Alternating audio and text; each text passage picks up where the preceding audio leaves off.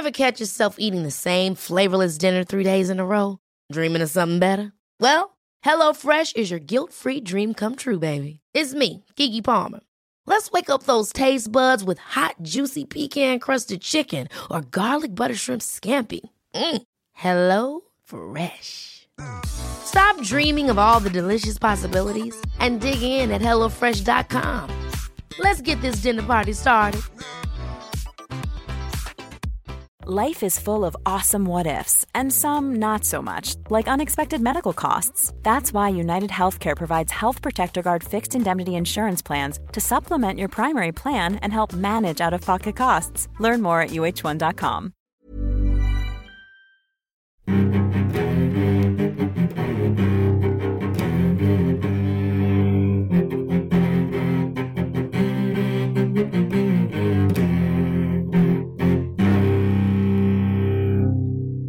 CSR-podden med Åsa Stenborg och Torbjörn Olofsson.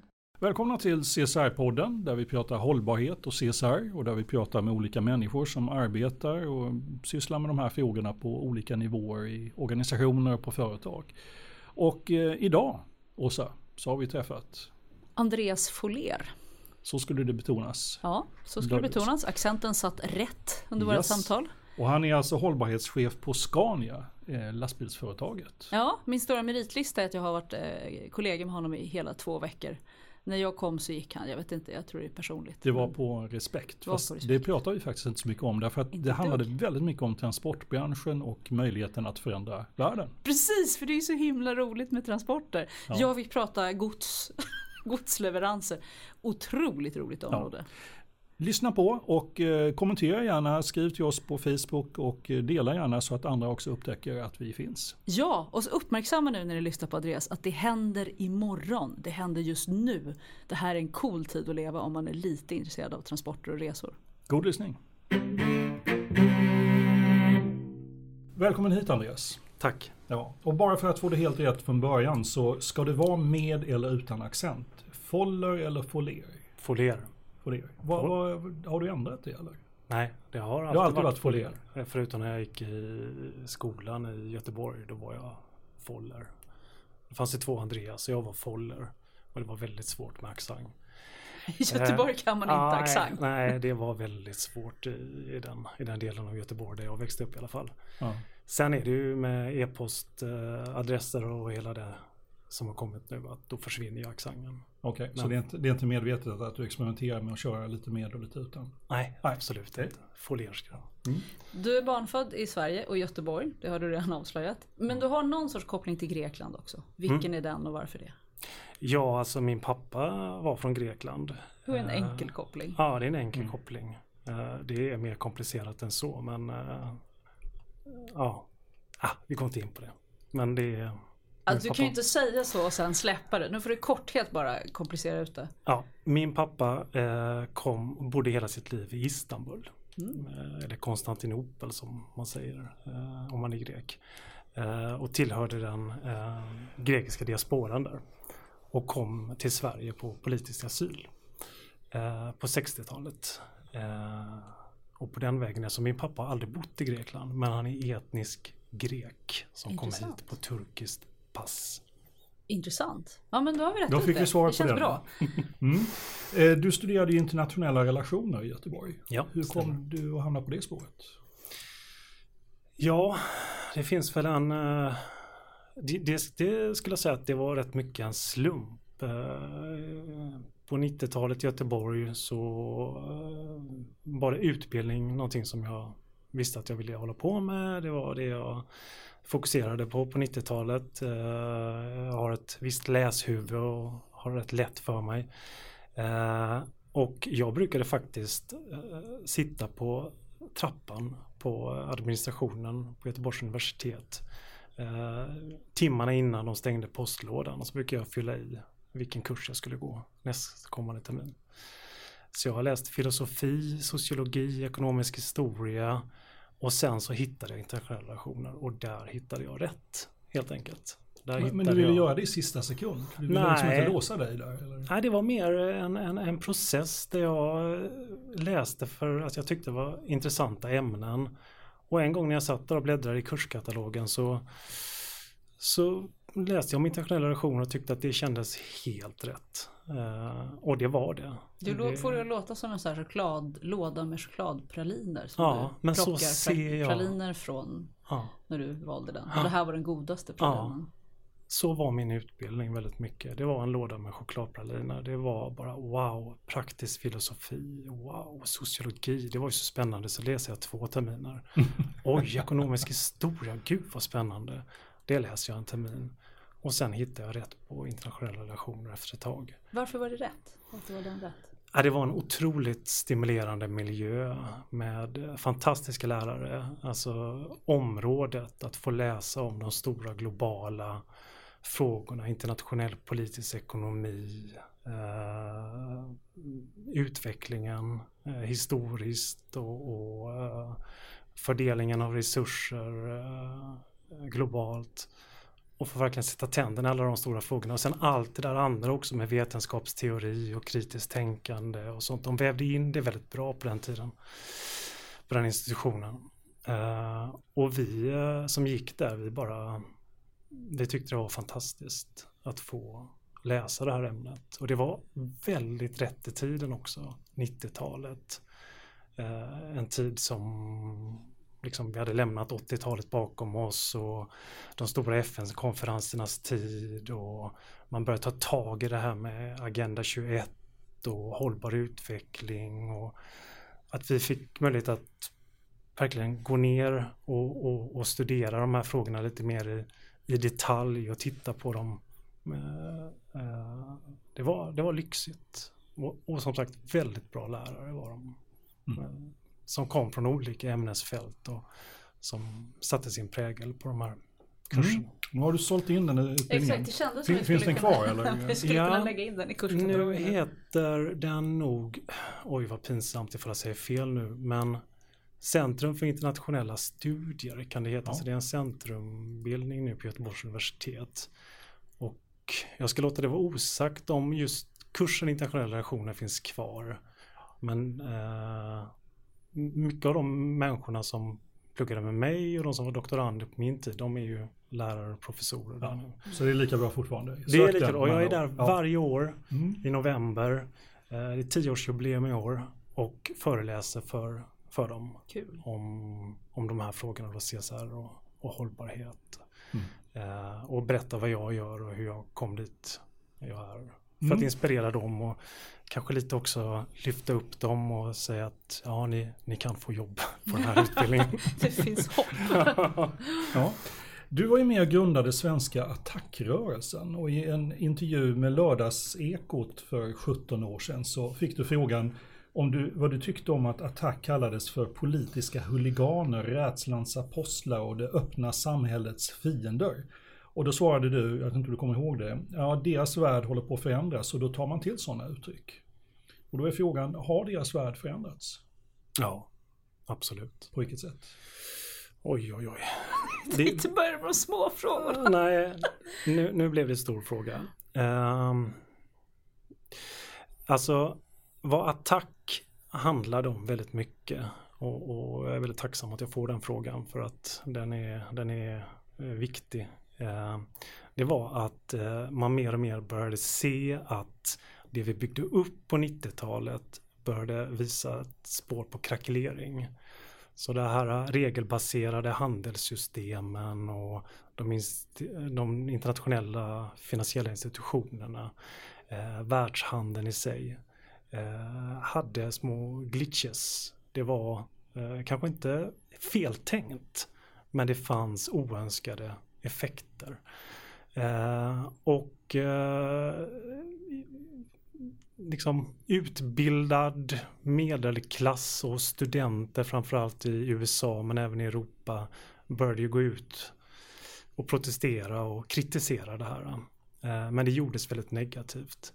Och vad Attack gjorde eh, och deras stora eh, bidrag tycker jag det var att det vände det till något positivt med tre stycken då väldigt konkreta förslag på hur man skulle kunna göra världshandeln och utvecklingen mer rättvis och, och uh, stabil och förutsägbar.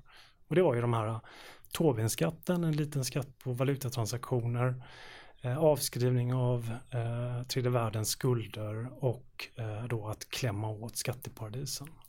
Alla de tre sakerna är idag genomförda, mer eller mindre. Så visst har de fått tänka om. Mm. Eh, attack var aldrig en militant rörelse, det var en djupt intellektuell eh, kommer från Le Monde Diplomatique eh, och hade, ja. Men det var, det var en gräsrotsrörelse, en medborgarrörelse?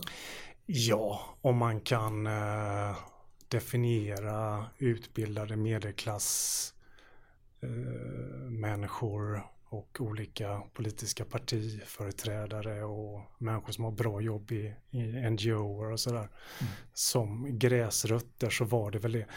Jag tror att vi ville det var viktigt för oss att, att berätta en historia om att det var gräsrot och på många sätt så var det, jag var runt, jag minns den hösten så tror jag att jag hade minst två resor i veckan. Jag jobbade som lärare minns jag och stack ofta iväg efter lektionerna var slut och åkte till Norrköping, Växjö, Luleå och, eh, och pratade inför hyfsat fullsatta bibliotek och kursgårdar och sådär. Och det fanns ett oerhört intresse att diskutera de här frågorna. Det är, väl en, är inte det per definition folkrörelse i den klassiska folkbildningsandan också? Jo. Eh, med kurser och ut, föreläsningar. Och, det är väl en... Jag, jag, jag, jag, jag är jätteförsiktig eh, att romantisera eh, det här. För att det, jag tror inte någon tjänar på det. Eh, det. Jo, det var det. Det var ett väldigt intresse. Men jag skulle inte kalla att det var att det var, fanns ett djupt liksom myllrande behov underifrån som vi satte ord på. Det var ju ändå väldigt svåra frågor i grunden. Om jag får komma tillbaka för att de här mm. tre kraven ni hade, ni var ju mm. också ett exempel på en, en, en åsikt mm. och ett ifrågasättande. Mm. Och jag skulle nog säga, har, de här, har någonting hänt? Ja, jättemycket har hänt och mm. framförallt har ju perspektivet på jag uppfattar det som att kulturen kring de här finansinstitutionerna som vi pratar om, mm. Världsbanken och IMF, har förändrats mm. jättemycket. Mm. Många av dem är ju föregå, alltså det har ju slagit så mm. tvärt mm. ifrån vad det var och vad det är mm. och hur de förstår hållbar utveckling. Och ibland kan man ju nästan, deras rapporter kan ju vara skarpare än mycket annat jag läser. Mm. Så, så jag menar, Attack kanske lyckades med någonting mer än just de här tre. Mm. Genom, att vara ett ifråga, mm. genom att ifrågasätta institutionerna helt enkelt. Mm. Håller du med om den? Jag håller helt med. Jag håller helt med. Uh, men det är, det är inte så enkelt och jag vet att det stod en väldigt självsäker tysk framför mig för några veckor sedan på en konferens jag var i uh, i Wolfsburg och uh, han sa Well, the sustainability community was opposed Uh, free trade and globalization, now they are the, its biggest promoters. Och jag skulle bara vilja säga att det, det är inte så enkelt uh, att uh, man var emot någonting och nu så är man för det, utan det är mer att det fanns vissa inbyggda felaktigheter det, som man inte riktigt ville erkänna för att de hörde inte hemma i den stora berättelsen mm. om globaliseringen. Men ta Global Compact till exempel. Mm. Som jag tycker är ett fantastiskt exempel på någonting som också byggdes upp precis vid samma mm. tid som Attack. Mm. Också Kofi Annan stod på World Economic Forum och sa Globalization brings allt det här men vi måste se till att tillsammans ge det ett mänskligt ansikte. Och det kan vi göra genom de här nio principerna, numera tio. Eh, att vända någonting positivt negativt till någonting som är positivt. Det tycker jag att Attack är en del av, Global Compact är en del av. Mm. Så Attack var väldigt mycket en rörelse i tiden kan man ändå säga. Mm. Ser du någon aktuell folkrörelse eller rörelse idag som, som har den rollen? Finns det en rätt debatt och ett rätt engagemang idag?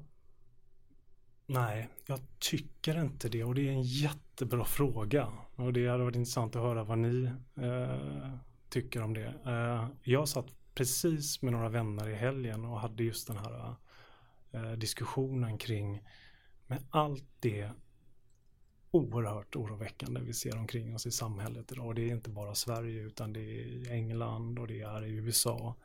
Eh, vem är det som verkligen tar den, de frågorna? Och inte bara reaktivt Nej, kanske? precis. Och gör något positivt av det. Någonting som kan vända om det och, och säga ja, men, låt oss göra så här istället.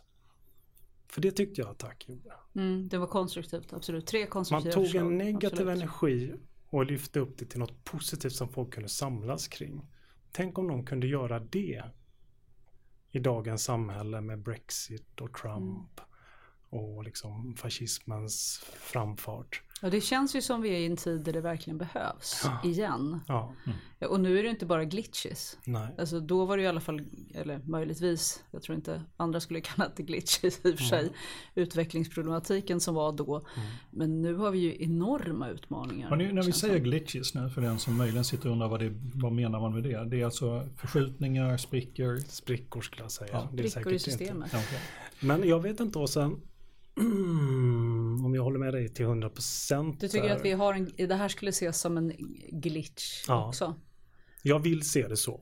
Jag vill se det som att detta är i grunden inte en ett systemfel på den västerländska humanismen eller den världen som vi har skapat under de senaste, ja, sen världskrigen. Utan det här är det här är en vä- väntad reaktion. Eh, Det är en viss grupp i USA som har köpt ett presidentval. Det är unheard of, Ja, men det ja, är en ja, glitch. Absolut. Brexit. Den kan, du, kan du glitcha den? Ja, jag tycker nog jag kan göra det också faktiskt. Och det kan, ja, ni får gärna plocka ner mig här alltså, men jag tycker nog att den stora rörelsen är regionalism. Ja, Den absolut. stora rörelsen absolut. är att vi eh, sluter oss samman i regioner och så vidare. Och sen att ett land med några, något procents övertag och påbackat av de stora kvällstidnedrakarna som också i viss mån köpte ett, ett val. Eh, ja, jag vet inte. Jag Men tror- ligger inte problematiken att vi, att vi istället för att tillåta oss att bli regionala, vilket jag tror att vi till del behöver vara. Eh, även hållbar utveckling kommer ju driva ett regionalt, bitvis regionalt beteende. Så blir vi istället nationella. Det har, vi har inte hittat den där mittemellan, eh, nat, mittemellan nation som man skulle gå ner och säga det här är min region och en global. Det här glokal som det hette på, på 1000-talet, det var väl 90-talet också. Att se sig själv i det lokala perspektivet och sen våga bli global. Och då har vi istället blivit nationella. Vilket är, he- blir helt fel eh, konstruerat i någon form. Sedan januari 2015 så är du alltså Sustainability Manager på Scania. Och det är alltså ett transportföretag, för den som inte vet om det, som tillverkar och säljer lastbilar, bussar, motorer och service av ovan nämnda. Ja. Har jag glömt någon? Nej, det är väl i stora sett rätt. Ja, okej. Och företaget var initialt svenskt och vi har lärt oss när vi har läst på att Scania det är alltså latin för Skåne. Och symbolen är därför alltså Skånegripen. Ja, stämmer. Ja, härligt. Och Gripen finns också detsamma för Saab, det är samma symbol och det var samma företag, ingick i samma koncern, inte samma företag men i samma koncern fram till 1995. Och sedan 2014 så är alltså Scania helägt av tyska Volkswagen och därmed inte längre noterat på Stockholmsbörsen. Det lite så här undervisning om vad Scania är för någonting. Mm, stämmer bra. Eh, koncernen har 46 000 anställda i 100 länder. Stämmer Det också. siffra du också känner igen. Mm. Huvudkontoret ligger i Södertälje. Ja. Men tillverkning och försäljning över hela världen. Ja. Och då undrar man, var i denna enorma organisation sitter du någonstans? Då sitter jag på den avdelningen som heter Corporate Relations. Eh, som är kommunikation, varumärke, relationer med investerare, media. Eh, alltså en, en stor av, centralt avdelning eh, som jobbar över hela världen. Och eh, arbetar med hållbarhetsfrågor.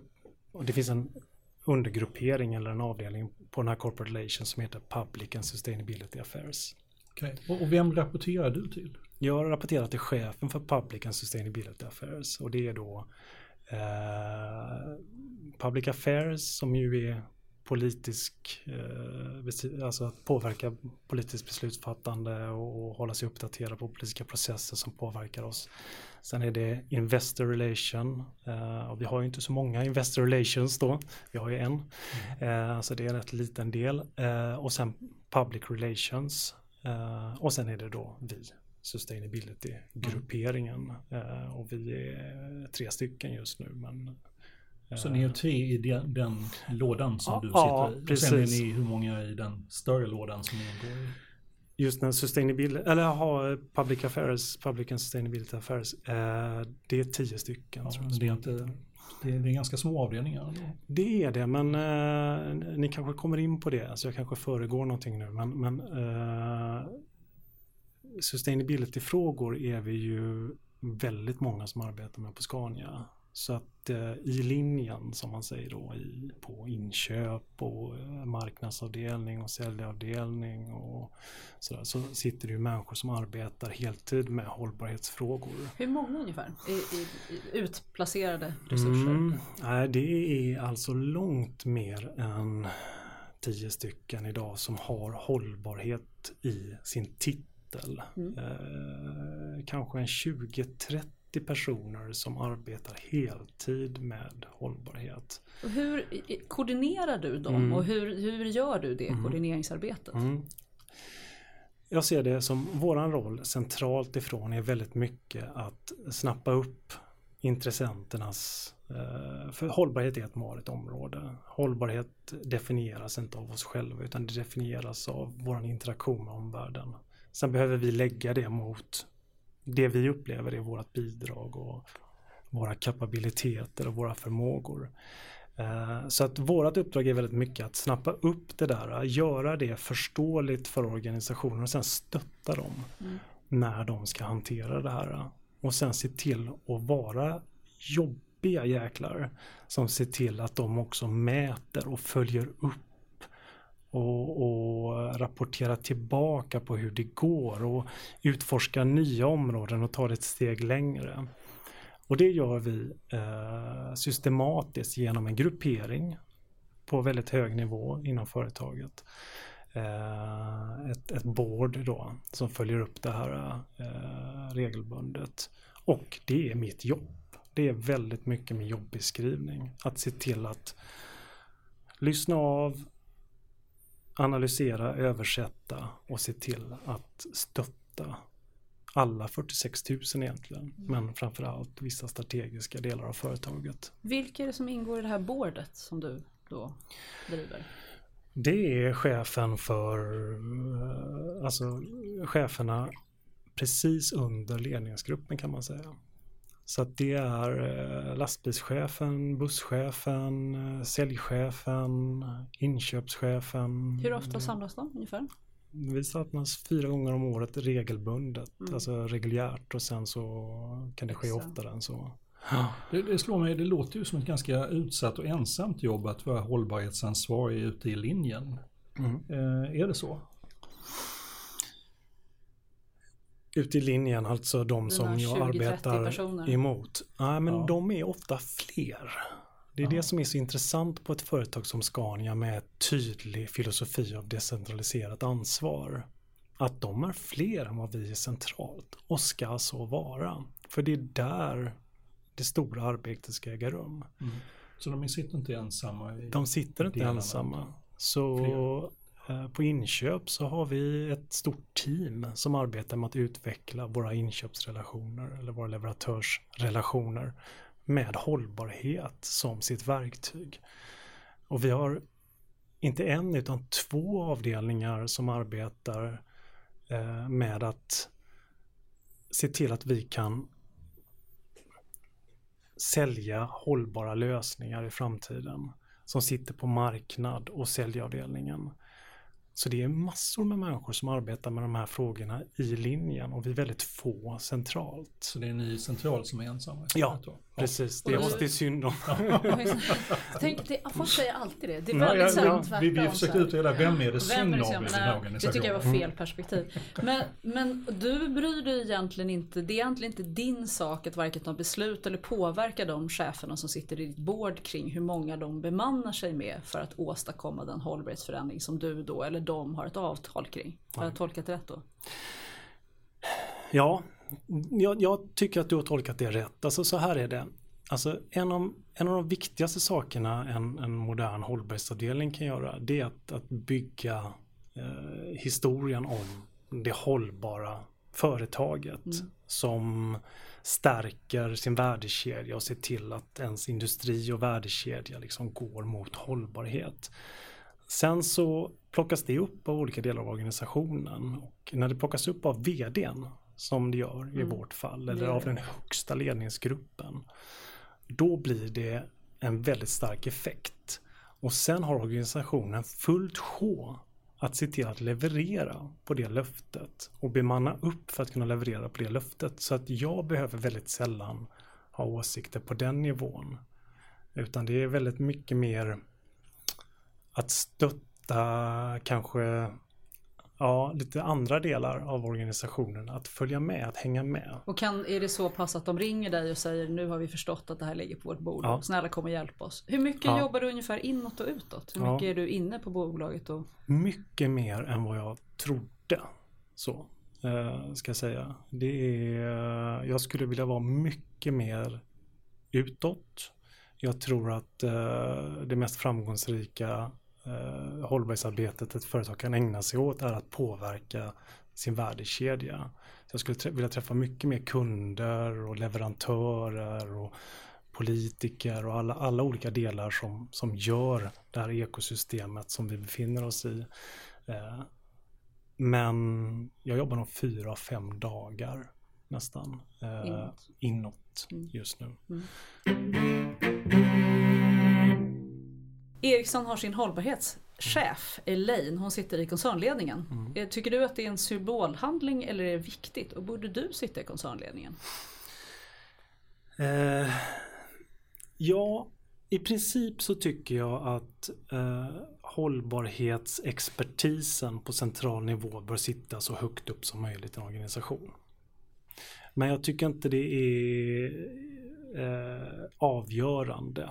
Eh, det beror väldigt mycket på ledningens sammansättning eh, och hur företaget är uppbyggt. Vi har en väldigt liten ledningsgrupp eh, som är de absolut mest essentiella funktionerna på företaget och det gör att det blir en snabbrörlig och, liksom enkel beslutsgång så att säga.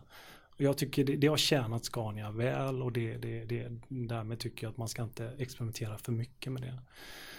Eh, jag tror att ett framgångsrikt hållbarhetsarbete kan, kan, kan verkligen, eh, eller jag ska uttrycka mig så här.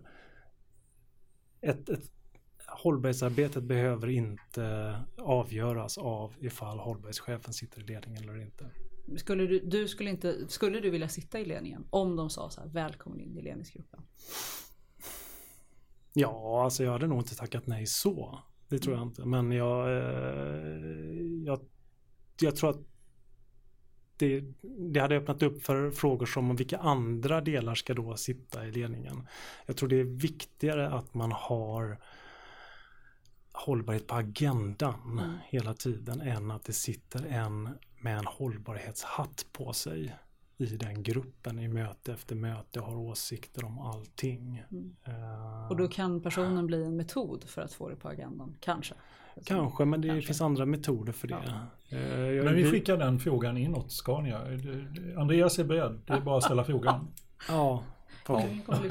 Men i alla fall, eh, er koncernledning består av, vi var, tv- vi var tvungna att kolla upp det här då innan, eh, det är 100% män. Mm. Alltså, så du säger att den absoluta essentiella fa- funktionerna leds alla av män. Och en av de åtta tror jag har utländsk härkomst. Och då är den utländska härkomsten från Holland, vilket kan ses som ett inte så exotiskt land. Och tittar man på er styrelse så är samtliga som är föreslagna av valberedningen Alltså män rakt igenom. De två kvinnorna som sitter i styrelsen är fackliga representanter. Är det så illa innanför eller är det här någon sorts tyskt fenomen som vi ser? Nej, vi kan inte skylla på tyskarna där. Uh, här öppnade jag en dörr och du tog den inte. Ja. ja nej, det gjorde Varför inte. är det så illa då? Varför ser det ut så här? Jag tror att det handlar om en industri som har en historia av att vara oerhört mansdominerad. Det är den enkla lösningen på det. Vi har eh, mer och mer kvinnor på chefspositioner varje år och eh, vi har mycket kvinnor som arbetar precis nedanför ledningsgruppen och vi, vår busschef är kvinna. Eh, och en av våra försälj, en av de viktigaste positionerna på vårat, eh, vår säljorganisation är kvinna. Och de sitter båda i den här hållbarhetsgrupperingen eh, förresten. Eh, så att vi har eh, massor med kvinnor som knackar på och nästa gång det ska bytas ut någon så är jag övertygad om att eh, någon av dem kommer komma in. Och om tio år så kommer det se annorlunda ut.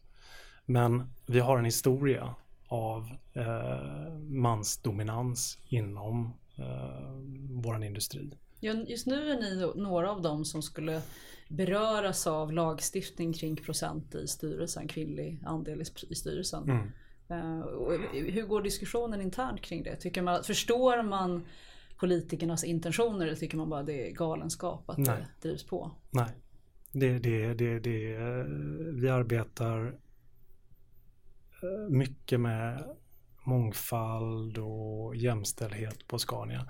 Sen att det ska nå hela vägen upp till styrelse och ledningen, det, det, det är nästa steg som vi tittar på. Men i ledningsgrupperna runt omkring på Scania så börjar det jämna ut sig mer och mer. Utan det är just det här sista steget att ta hela vägen upp. Och då har man ju ofta 20 år i företaget, mm i industrin och så vidare som man ska falla tillbaka på för att komma allra högst upp i ledningsgrupp eller styrelse. Ja, det är ju den ingenjörsstyrda delen som, mm. som har varit väldigt mycket för. Men, men ja. har man inte också pratat om att det håller på att förändras? Jo. Att eh, mm. förmågan att leda människor, mm. ha det visionära perspektivet, att det borde sättas i ledarposition istället. Absolut. Uh, många av ledarna inom Scania ju, har ju dubbla examina från ekonomi och ingenjör. Uh, och det är rätt vanligt. Uh, men just att ekonomerna kommer in nu gör ju också att mer kvinnor kommer in. Men tittar du på ingenjörsutbildningarna och de vi tog in som trainees eller rekryterade för 20-25 år sedan så var det ju väldigt mycket män som mm. kom in då. Det är de idag som utgör mycket av det högsta ledarskapet. Och det där kommer naturligt förändras. Vi hade ju en kvinna uh, så för ett år sedan i vår ledning, men det, den snodde ju Volvo från oss. Så att Äsch, skylla på dem. Hon. Högvilt. okay. ja, men då ses vi här om tio år igen och stämmer av detta. Absolut, ja. absolut. Eh, era ägare, Volkswagen, hamnade ju 2015 i det som kallas för Dieselgate. Mm. Eh, de hade då systematiskt manipulerat utsläpp av kväveoxid och koldioxidutsläpp från de nya bilarna. Mm. Och nyligen så kunde vi läsa om liknande nyheter från Volvo Cars. Mm. Exempelvis så eh, Volvos största SUV, mm. eh, XC90 eller vad den heter. Mm. Eh, den hade registrerat, eh, man hade angett att utsläppen från den var 57,5 milligram per kilometer. Mm. Och gränsen är alltså 80 milligram per kilometer. Och i verklig mätning så visar den sig ha siffrorna 878 mm. Milligram per kilometer. Mm. Så det är procent. häpnadsväckande mm. skillnad. Visst är det. Va, va, hur ser du på det här? Är, är det här? Finns det risk att det här också börjar dyka upp i lastbils... Nej men det är det inte. Om jag börjar med den enkla frågan mm. Eh, så är det ingen risk att göra det. För att det här bygger väldigt mycket på helt absurda eh, testmetoder som finns inom personbilsindustrin. Eh, där man testar dem på cykler som inte stämmer överens med verkligheten. Det är därför Volvos XC90 åkte dit så fruktansvärt för att det var någon som hade testat den på riktigt. Mm. Det kan man ju inte göra. det kan man ju inte göra, men på lastbilar så gör man det under flera år. Eh, så det är riktiga Under flera värden. år också?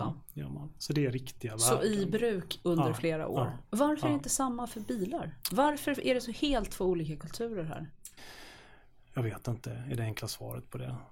För man kan säga att, att det här var ju ett sätt att återskapa förtroendet för mätvärdena. Det var ju om, om personbilssidan ja, men det händer nu. tog sig, nu, åt sig lastbilssidan. Nu, nu byter man ju ut det helt. Ah, okay.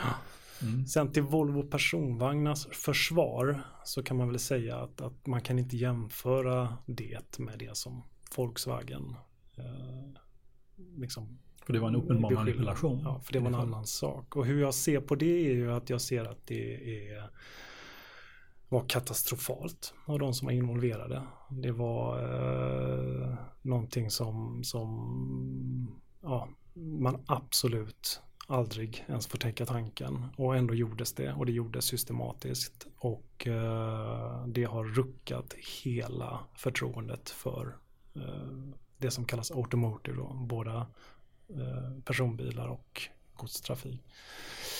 Så att eh, det där är ju någonting som, som var oerhört eh, chockerande på alla sätt och vis. Vad som kommer ut ur det är ju väldigt intressant att diskutera. Och där ser vi då eh, att eh, det kommer att påskynda omställningen till eh, ett helt nytt eh, liksom bilflotta på ett sätt som, som inte skulle skett annars. Tack vare att människor fick upp mm. ögonen för eh, dieseln och, och eh, emissioner och nu kan prata om kvävedioxider och partiklar på, eh, över frukostbordet så kommer det ju påskynda den omställningen som behöver göras av eh, trafiksystemet. Så nu, nu gör du den här hypotesen, vilket är en spännande och mm. återkommande hållbarhetsfenomen. Mm. Det är att mm. de som åker dit värst blir mm. ofta de bästa. Mm. Men de har väldigt svårt att återskapa mm. sitt varumärke. Därför att det där sätter sig i evigheters använd. Jag har ju sett många bolag som har smält på ordentligt i att de åkt fast i massmedia. De har ju skärpt sig till en nivå av excellens och så får de aldrig egentligen cred. Men nu säger du att det här också gjort en informationsvåg. Att gemene man har blivit uppmärksam förbannad och ställer andra krav och rör sig snabbare från fossila drivmedel. Och Volkswagen kommer att leda den utvecklingen. Volkswagen är eh, världens största mm. bilföretag. Mm. På ett par år så har de byggt om sina strategier fullständigt. Så att de nu eh, ligger i en frontposition inför de kommande 5-10 åren när det gäller investeringar och, och, och, prioriteringar på det här området. Och det där är frågan om det skulle hänt. Jag skulle nog nästan tvärsäkert säga det där skulle inte hänt. Om man inte åkt dit. Om inte dieselaffären hade uppdagats. Men hur kände du personligen när den här Dieselgate dök upp? Du kan ju inte ha varit särskilt lycklig att huvudägarna höll på med det. Nej, vi var nog eh, väldigt besvikna, alltså förkrossade allihopa. Och det tog lång tid att, att eh, liksom mm, normalisera den tanken så att säga. Att, att, att det här hade skett på den skalan. Eh, så att jag kände en, en oerhörd besvikelse själv. Och alla, alla vi som, som arbetade på Scania gjorde det.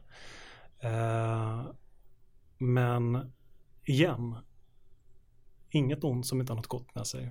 Så att nu känner jag att eh, det är en annan, det är en annan, det är ett annat Volkswagen som växer fram nu och som man träffar när man åker ner. Jag åker ju ner ofta, jag är ju nere i Tyskland ett par gånger eh, per termin, alltså nästan en gång i månaden.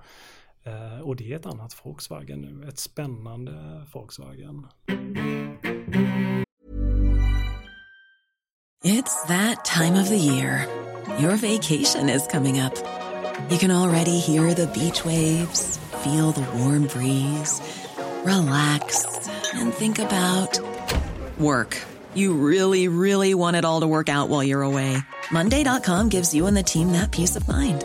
When all work is on one platform and everyone's in sync, things just flow wherever you are. Tap the banner to go to Monday.com. Hey, it's Danny Pellegrino from Everything Iconic. Ready to upgrade your style game without blowing your budget? Check out Quince. They've got all the good stuff shirts and polos, activewear, and fine leather goods, all at 50 to 80% less than other high end brands. And the best part? They're all about safe, ethical, and responsible manufacturing. Get that luxury vibe without the luxury price tag. Hit up quince.com slash upgrade for free shipping and 365 day returns on your next order. That's quince.com slash upgrade. Many of us have those stubborn pounds that seem impossible to lose, no matter how good we eat or how hard we work out. My solution is plush PlushCare. PlushCare is a leading telehealth provider with doctors who are there for you day and night to partner with you in your weight loss journey. They can prescribe FDA-approved weight loss medications like Wagovi and Zepbound for those who qualify. Plus, they accept most insurance plans. To get started, visit plushcare.com slash weight loss. That's plushcare.com slash weight loss. Om vi återkommer till dina tankar kring reglering av den internationella marknaden för att uppnå global hållbar utveckling. Alltså attackdiskussionerna. Är det Mm. någonting som du har möjlighet att arbeta på inom ramen för ditt nuvarande jobb på Scania? Mm, nej, det där är nog mer någonting som jag känner att jag har lämnat bakom mig. Jag, jag tog ett väldigt bestämt kliv 2000 när jag gick från eh, vad ska vi säga aktivistvärlden och alla de tankarna till att börja jobba med företag och CSR och hållbarhet som jag har gjort sedan dess. Eh, och har lätt gladeligen lämnat eh, den delen av politiken bakom mig Mm. för att gå in i, i det som jag gör idag. Men du kan tagit med dig värderingen även om du lämnade rörelsen. Ja, och det är precis det jag har gjort. Ja, och, och det var det jag tänkte just med, mitt exempel var till exempel att jobba med skatter inom ramen för Scania och titta på Mm. utifrån att skattefrågan också har blivit en hållbarhetsfråga. Mm. Är, det, är det någonting du gör? Här har du i så fall verkligen nytta av dina insikter kring global handel. Och, Mm. är, är det någonting som ligger på ditt bord idag? Det är en fråga som kryper närmare. Jag pratade ju förut om den här Den har inte kommit upp på bordet Jo, än. Den, den hänger ligger- i jo. fönstret. Man kan säga att den ligger lite vid sidan om liksom det absoluta synfältet på bordet och liksom man ser det periferseendet. Eh, det där är en fråga som, som vi har tagit upp flera gånger och vi har eh, en position på det så att säga. Men det, det är en av många frågor som Som konkurrerar. ligger strax utanför synfältet. Ja, eller, ja men lite så. Alltså vi, Den vi, kryper Ja, det- ja. Nej men den är jätteviktig. Andreas skrivbord måste jag, det Ja. låter spännande. Ja, jo. Nej men hållbarhetsfrågan är ju mm, funtad på det sättet att det finns en hel del frågor som ligger precis utanför det som man måste göra hela tiden för att driva företaget framåt. Men skulle inte du påstå att skatter har liksom krupit in där? Jo, Korruption, tionde principen och sen kom Mm. skattefrågan som en direkt liksom handgriplig skatt, mot skatteplanering. Mm. Liksom, det finns ett mer filosofiskt övergripande sätt jag kan besvara på detta men då måste jag backa två steg. Eller också kan jag ta Det det låter direkt. väldigt långt. Ja, Okej, nej men så här. Eh, jag måste fokusera på de sakerna i vår verksamhet som är positiva och verkligen driver oss framåt mot ett hållbart företag. Hållbara transportlösningar. Men för att kunna göra det med trovärdighet och att vi verkligen bygger för framtiden, bygger in hållbarhet i våran kärnaffär så måste vi hela tiden stå på en grund av ansvarsfullt företagande. Där ligger skattefrågan cementerad. Vi måste göra rätt för oss. Vi måste vara accountable i, i hur vi betalar skatter, var vi än befinner oss i världen. Det där är en hygienfråga. Så när jag lite slarvigt säger att det ligger precis utanför mitt synfält så menar jag inte att den här frågan inte är på agendan eller att vi tar den på allvar. Jag menar att i min värld kring vad vi ska fokusera på så måste vi hela tiden bestämma oss för vad är core? Vad är det som fångar människors fantasi och får oss att ställa om eh, transportindustrin, våran värdekedja. Och vad är det för saker som självklart också måste finnas med för att vi ska lyckas med det? Och detta är en av de senare frågorna. Vi går över till ett helt annat ämne. Eh, nu blir det lite undervisning här igen då. Det, det här kan du men jag tänker för alla som inte har hängt med på det här. Trafikolyckor, det är ju en av de vanligaste du är orsakerna. liksom som ugglan i, eh, i du vet, fråga. Fablernas värld? Nej, fablerna, nej, ja, Nej, fablernas okej. värld. Hel, jag tänkte Helge på taket som liksom, Möjligt. ja förlåt. Ja, det är fablernas Mm, värld. det är jag som är här. Ja. Trafikolyckor som sagt är en av de vanligaste dödsorsakerna för åldersgruppen 15 till 29 år. Och mellan år 2000 och 2013 så ökade antalet dödsfall med 13 procent. Världshälsoorganisationen säger att ungefär 1,25 miljoner människor dör och 50 miljoner skadas. Och trafikskadors kostnader beräknas till 3 procent av BNP. 90 procent av olyckorna sker i låg och medelinkomstländer, men de har bara 54 procent av fordonen. Så alltså det är u- u-världsproblematik i det också. De som drabbas är inte de som kör, utan framförallt de som är utanför. Och då kommer frågan, vad gör Scania inom det här området? Det är en helt avgörande fråga såklart. Eh, För, för oss som fordonstillverkare så handlar det ju väldigt mycket om att skapa säker förarmiljö men också säkert för eh, medtrafikanter på olika sätt. Och ni vet själva hur våra produkter ser ut. Lätt skrämmande. Eh, Så vi lägger väldigt mycket på dels eh, förar, liksom, sikten för föraren. Att det ska vara så, man ska kunna se medtrafikanterna så ohindrat som möjligt. Och eh, varje lastbil som kommer är ju bättre än den förra när det gäller verkligen att kunna få ett obehindrat synfält. Eh, Så där investerar vi. Sen handlar det om den moderna tekniken med sensorer av olika slag som verkligen kan uppfatta eh, saker som föraren kanske inte hinner eller har möjlighet att uppfatta från sin utsiktsposition. Och där lägger vi också stora pengar på att investera i det. Det tredje är eh, förarträning då som är, eh, som är med i när vi säljer en lastbil så utbildar vi förarna också i säker körning, miljövänlig körning eh, och så vidare. Och sen så har vi för det fjärde kontakt med myndigheter och regeringar i de länderna vi finns där vi driver på då för en mer säker trafikmiljö. För problemet och de här 1,25 miljoner människorna som, som förolyckas i trafiken är ju ofta eh, att det är en trafiksituation på grund av för mycket trafik, för oplanerad trafik eh, och en mix mellan gångtrafikanter, cyklar, rickshor, eh, tunga lastbilar och så vidare. Eh, så där, där kan man göra mest helt enkelt. Och gör ni det då i praktiken? För nu satt jag och funderade på om vi tittar på eh, Tittar vi på mänskliga rättigheter så är applikationen, alltså det du verkligen gör när det gäller mänskliga rättigheter väldigt olika beroende på vilket land du jobbar i. Så är ni, skickar ni ner en trafikrådgivare till ett utvecklingsland och säger, eller har, du, har ni forskning i utvecklingsländer kring det? Handgripligt, vad gör ni för att skapa en bättre trafiklösning då? Handgripligt så utbildar vi våra förare, alltså, eller våra förare. Förare som ska framföra Scania ska utbildas i hur Ja. man framför ett fordon så bra som möjligt. Men när vi är med i stora upphandlingar och stora affärer som handlar om stadstrafik, det är ju mycket bussar vi pratar om då framförallt.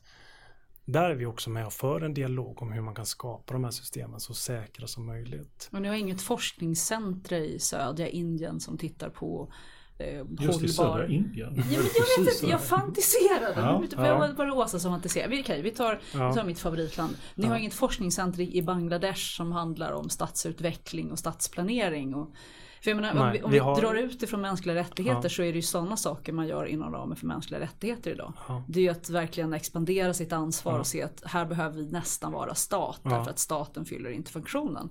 Så parallelltanke skulle vara, här går vi in och faktiskt bemannar Dhaka stadsplaneringskontor under fyra veckor med några som är riktigt...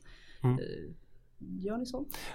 Nej, vi har forskningen Just har precis det gjorde de inte. men- Just, just precis i Dacca så kan jag svara att vi absolut inte har det. Eh, om vi har det överhuvudtaget ska jag låta vara osagt. För det kan ju finnas eh, saker som inte jag känner till också.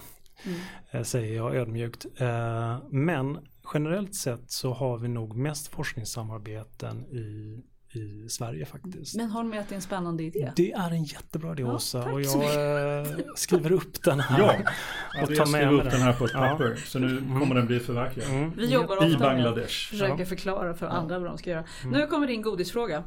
Eh, för nu ska vi prata om framtidens rapporter, transporter. Och vad skönt att det inte Ja. var rapporter. Ja. Ja, framtidsrapporter. Ehm, det händer mycket i transportbranschen, det vet vi. Eh, det är självkörande bilar, det är elbussar som snabbladdar och det är elvägar.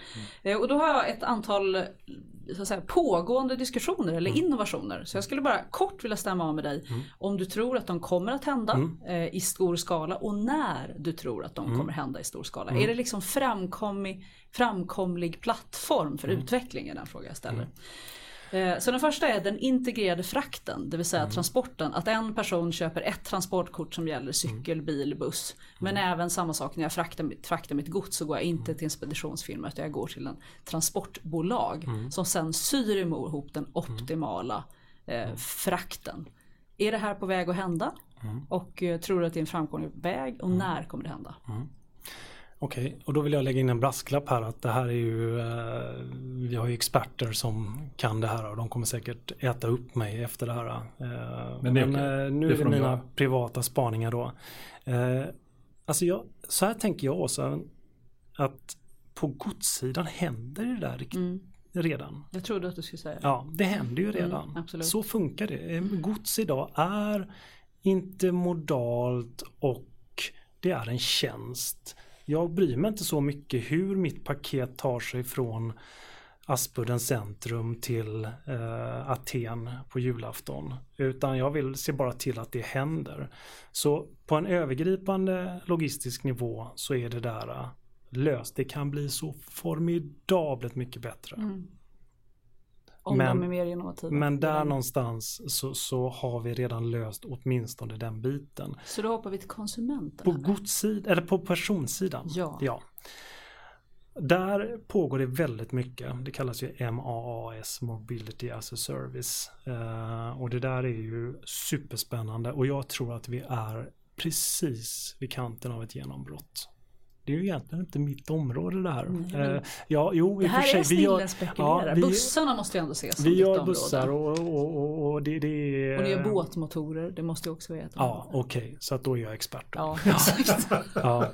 Jag, jag tror att vi står inför, eh, eh, precis inför det. Alltså jag tror att det är en fråga om, om år eller månader innan det lanseras eh, ett sånt system här. Där jag genom min app kan få en, en resa eh, med massa olika eh, reseleverantörer från plats A till plats B.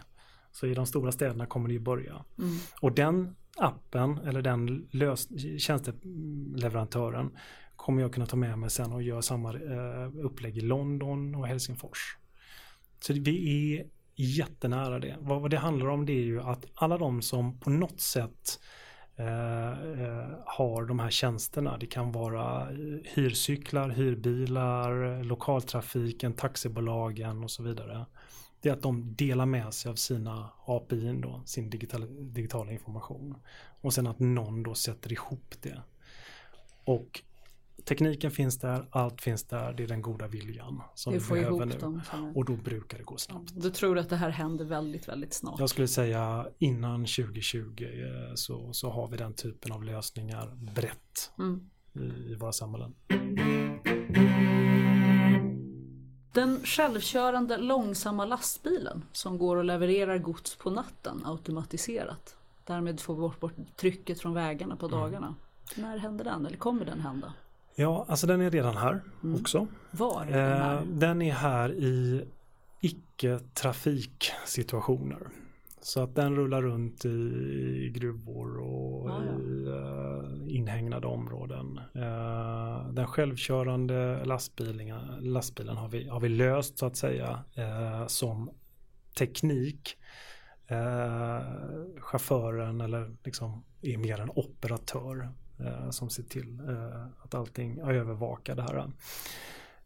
Problemet är att få in det i en stad eller i en trafiksituation. Apropå dödsfall i trafiken. Nej, Exakt. för de Eller? är väl stabila. Det är ju också De det. Det där är- är ju en av fördomarna. Ja, jag gav just uttryck de för är, ja, Mm. de är säkrare än en Ja. människa. Det finns siffror på det där Googles det självkörande bilar. Har, Mm. har Krockade med en buss i San. Francisco. Ja, men det är ju en och sen blir de Den har uthängda. kört x antal eh, hundratusen varv runt jorden. Så att det där är säkrare än, än vad vi är. Även om vi tror att vi är fantastiska bilförare. Eh, men det är interaktionen mellan självkörande teknik och vanliga människor som är problemen. Och lagstiftningen. Och lastkajer också. Nu är jag väldigt så här fokuserad. Ja, okej, Ja, men berätta. jag fantiserade den här lösningen.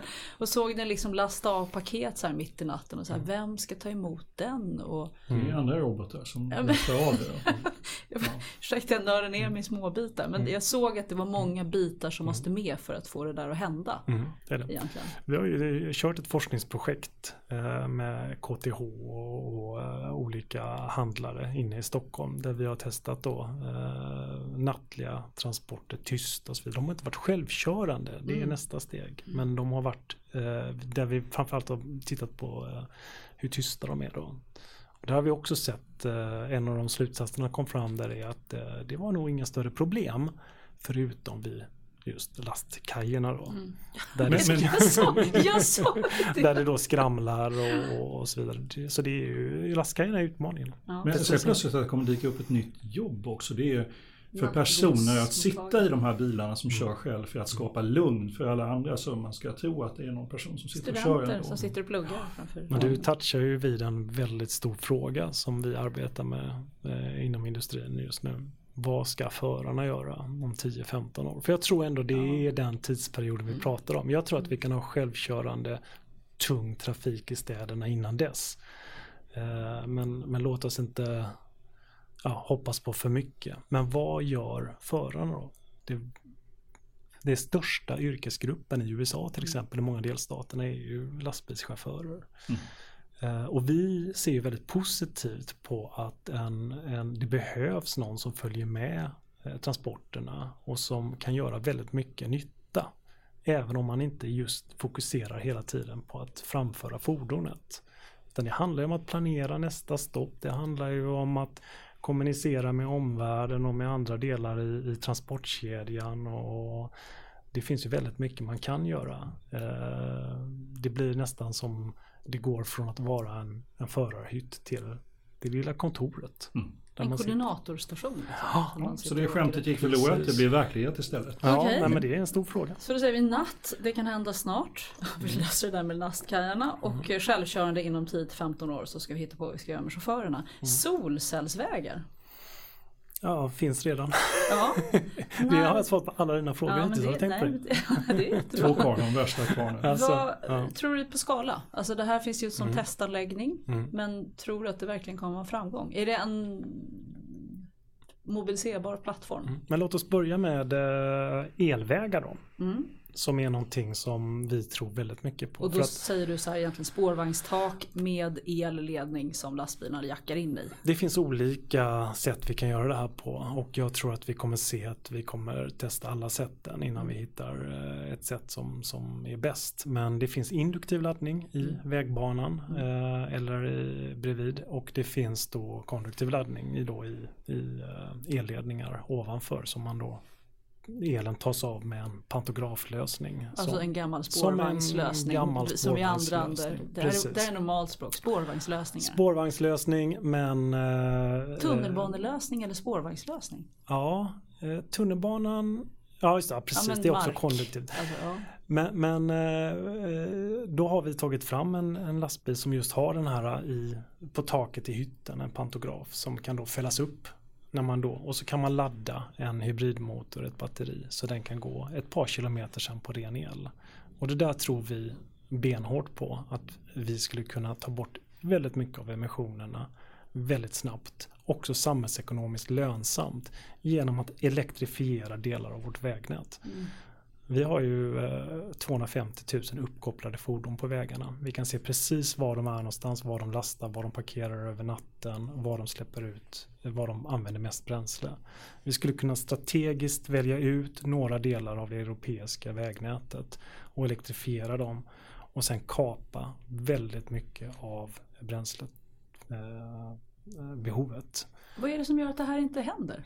Det händer just nu. Det, så det, det du pratar om kommer att hända och är på väg att Vi har hända? två kilometer sån här eh, elektrif, elektrisk eh, väg i, eh, i Gävle. Mm. Eh, och eh, vi pratar nu om att bygga, eh, förlänga den. Och, och i Tyskland så har det just skett en stor, stor upphandling där man ska bygga om delar av vägnäten då till elvägar. Så det händer nu. Eh, och eh, om fem år, jag vet inte vad jag ska ta till med, så kommer delar av vår infrastruktur vara elektrifierad. Och det är jätteviktigt för just godstrafik Mm. eh, och, och tung trafik. För att vi behöver enorma batterier. Är vi Sverige då eller är Nej vi förlåt. världen? Nej, förlåt, då är den tunga industrin. Det är rätt enkelt att elektrifiera en Golf. Alltså förlåt mig nu Ja. Volkswagen. Ja. Eh, jag, jag Ja. förringar.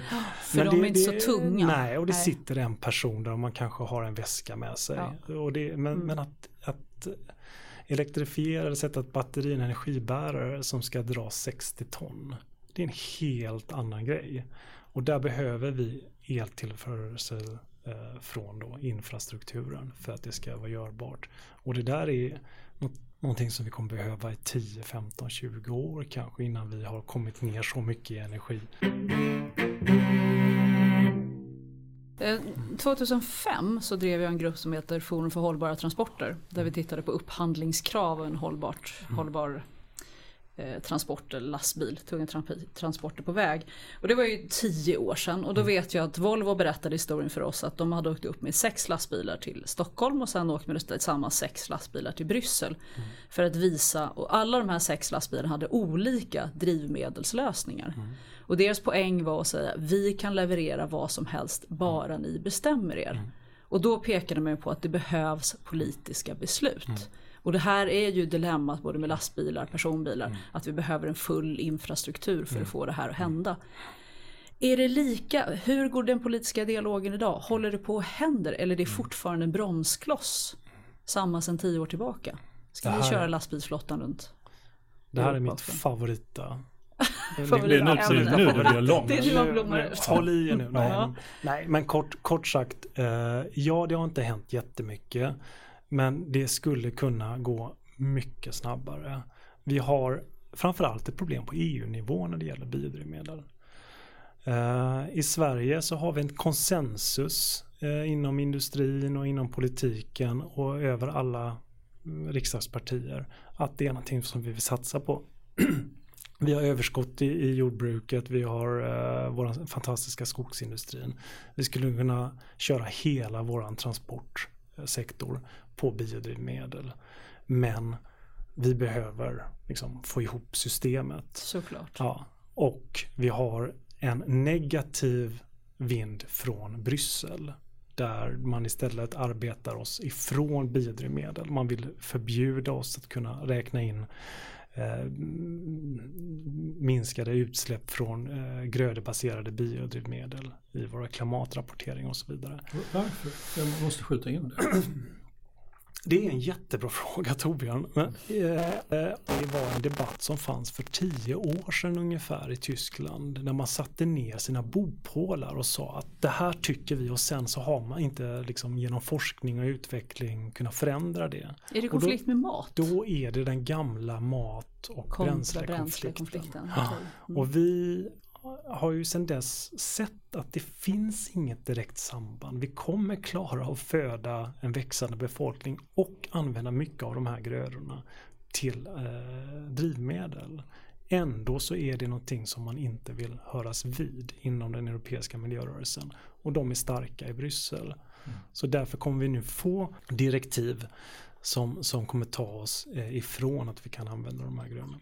Men vi har ju andra råvaror också som skog och så vidare som är eh, vi mycket väl kan använda till, till eh, biodrivmedel.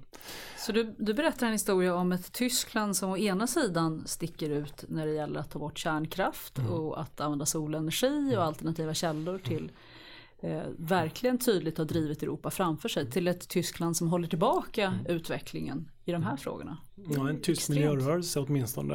Eh, vi har eh, i Bryssel och det är väldigt mycket eh, från Tyskland drivet har vi ett stort motstånd mot biodrivmedel. Det finns, det, det finns väldigt lite tyskt incitament att driva en progressiv biodrivmedelagenda eftersom de själva då kanske inte kommer bli stor exportörer direkt. Eh, så att den tyska eh, politiken och tänket när det gäller transport eh, handlar väldigt mycket om energieffektivisering, eh, smartare logistik och elektrifiering. Mm. Finns det något land som du skulle lyfta som föregångare? Sverige. Sverige, Sverige mm. är föregångare. De svenska ja. politikerna förstår det här bättre ja. än resten av Europa vi, eller världen? Vår inställning är att vi i Sverige har ett, ett sundare inställning till eh, att testa oss fram med biodrivmedel. Och vi har en plan, vi har de starkaste målen i världen vad jag vet. Vi ska ju vara 70 procent eh, mindre klimatpåverkan 2030 jämfört med 2010. Det är rätt ambitiöst eh, jämfört med de flesta och helt i linje eller till och med eh, ambitiösare än Parisavtalet.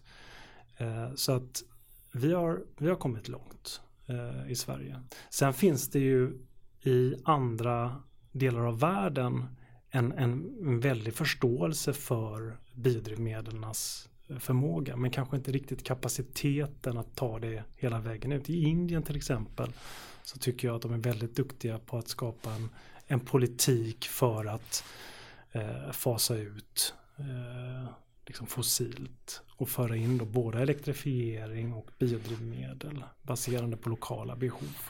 Så de skulle kunna vara de här som hoppar det fasta telefonin och går på mer intelligenta lösningar redan från början? Ja, båda eh, Indien och Kina är ju de som upplever transportsektorns tillkortakommanden in på bara skinnet. Det är de som har de värsta luftproblemen. Mm. Det är de som har transportsystem som äter upp eh, mellan 5 och 10 procent av deras BNP för att det är så dåligt. Mm. Det är de som investerar mest i transportsystem. Det är de som har mest växande befolkningar och störst behov i framtiden. Egentligen så är det de som driver på, deras behov driver på oss som sektor. Vi är nästan framme vid slutet. Ehm, och istället för att fråga dig vad du tror det finns om 5-10 år, för att då kommer du naturligtvis svara att du är kvar på Scania mm. och, och ta del av den här fantastiska utvecklingen, så tänkte vi placera dig i några ledningsgrupper. Mm. Så tänkte vi, ja du får välja här. Om du vill ingå i Scanias ledningsgrupp. Mm. Eller om du ingår i IMFs, det är Världsbanken alltså. Mm. Eller hos Antonio Guterres ledningsgrupp på FN. Mm. Då får du chansen att välja här. Mm, vad intressant. Jag, jag tror att våran vd gör ett så himla bra jobb i våran ledningsgrupp. Så jag låter han fortsätta att rodda det där. Och sen så ifall det ska in andra i ledningsgruppen så hoppas jag att det blir kvinnor då. Då knöt vi ihop den. Ja, ja. ja, men jag kände att jag ville knyta ihop den där. Jag kände mig... Det var fint. Ja. Ja. Och då har du två kvar att välja på då. Då är det FN eller IMF alltså. Ja. Och jag tror faktiskt jag skulle välja IMF. För precis som du var inne på så det är en spännande organisation nu för tiden. Med Agenda 2030 så har de ett superstarkt mandat att driva på utveckling över hela världen och sätta pengarna där de behövs. Så att jag skulle tycka det var intressant att arbeta med Valutafonden idag. Speciellt också med min gamla aktivistbakgrund då hade det varit lite av en revansch att få hamna där. Spännande. Ja. Det innebär att vi säger tack för att du kom idag och så ser vi fram emot att få ha dig som gäst här om några år eh, som IMFs representant. Då. Det ska bli jättespännande. Ja, verkligen tycker jag med. Ja. Tack så mycket. Tack Roligt för att du kom.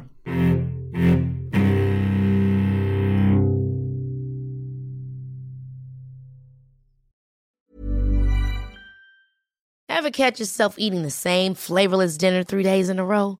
Dreaming of something better? Well, HelloFresh is your guilt-free dream come true, baby. It's me, Gigi Palmer. Let's wake up those taste buds with hot, juicy pecan-crusted chicken or garlic butter shrimp scampi. Mm. Hello Fresh. Stop dreaming of all the delicious possibilities and dig in at HelloFresh.com. Let's get this dinner party started.